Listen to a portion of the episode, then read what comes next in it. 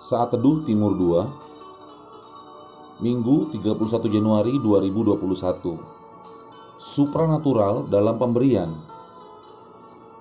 Firman Tuhan diambil dari 2 Korintus 8 ayat 9 sampai dengan 15 Karena kamu telah mengenal kasih karunia Tuhan kita Yesus Kristus bahwa ia yang oleh karena kamu menjadi miskin sekalipun ia kaya supaya kamu menjadi kaya oleh karena kemiskinannya Inilah pendapatku tentang hal ini yang mungkin berfaedah bagi kamu.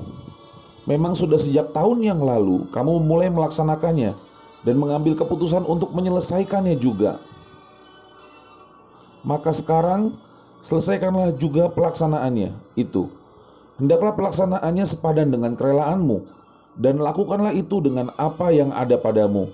Sebab jika kamu rela untuk memberi, maka pemberianmu akan diterima kalau pemberianmu itu berdasarkan apa yang ada padamu, bukan berdasarkan apa yang tidak ada padamu.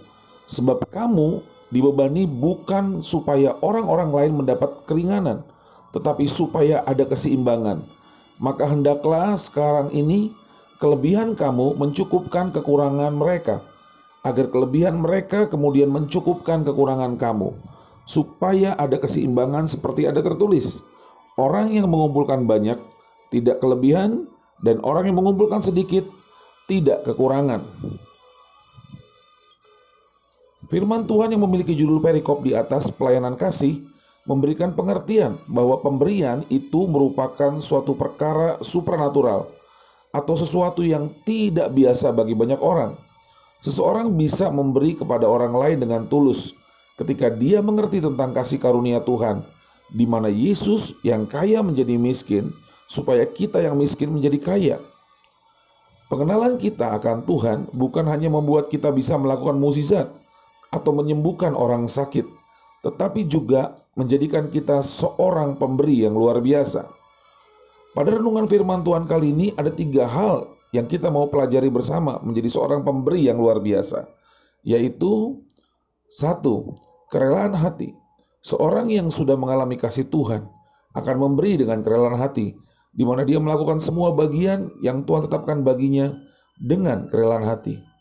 Kedua, berdasarkan apa yang ada padamu, pemberian yang dilakukan tidak mengada-ngada, tetapi apa yang ada pada kita.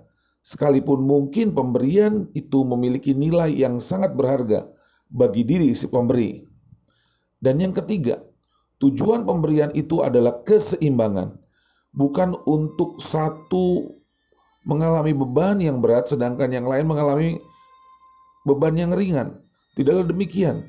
Pemberian yang supranatural akan membuat kelebihan kita mencukupkan kekurangan orang lain dan kelebihan orang lain mencukupkan kekurangan kita. Ketiga hal inilah yang menjadikan kita seorang pemberi yang luar biasa. Bahkan kita bisa dikatakan sebagai crazy giver. Dan hal ini merupakan perkara supranatural yang kita alami.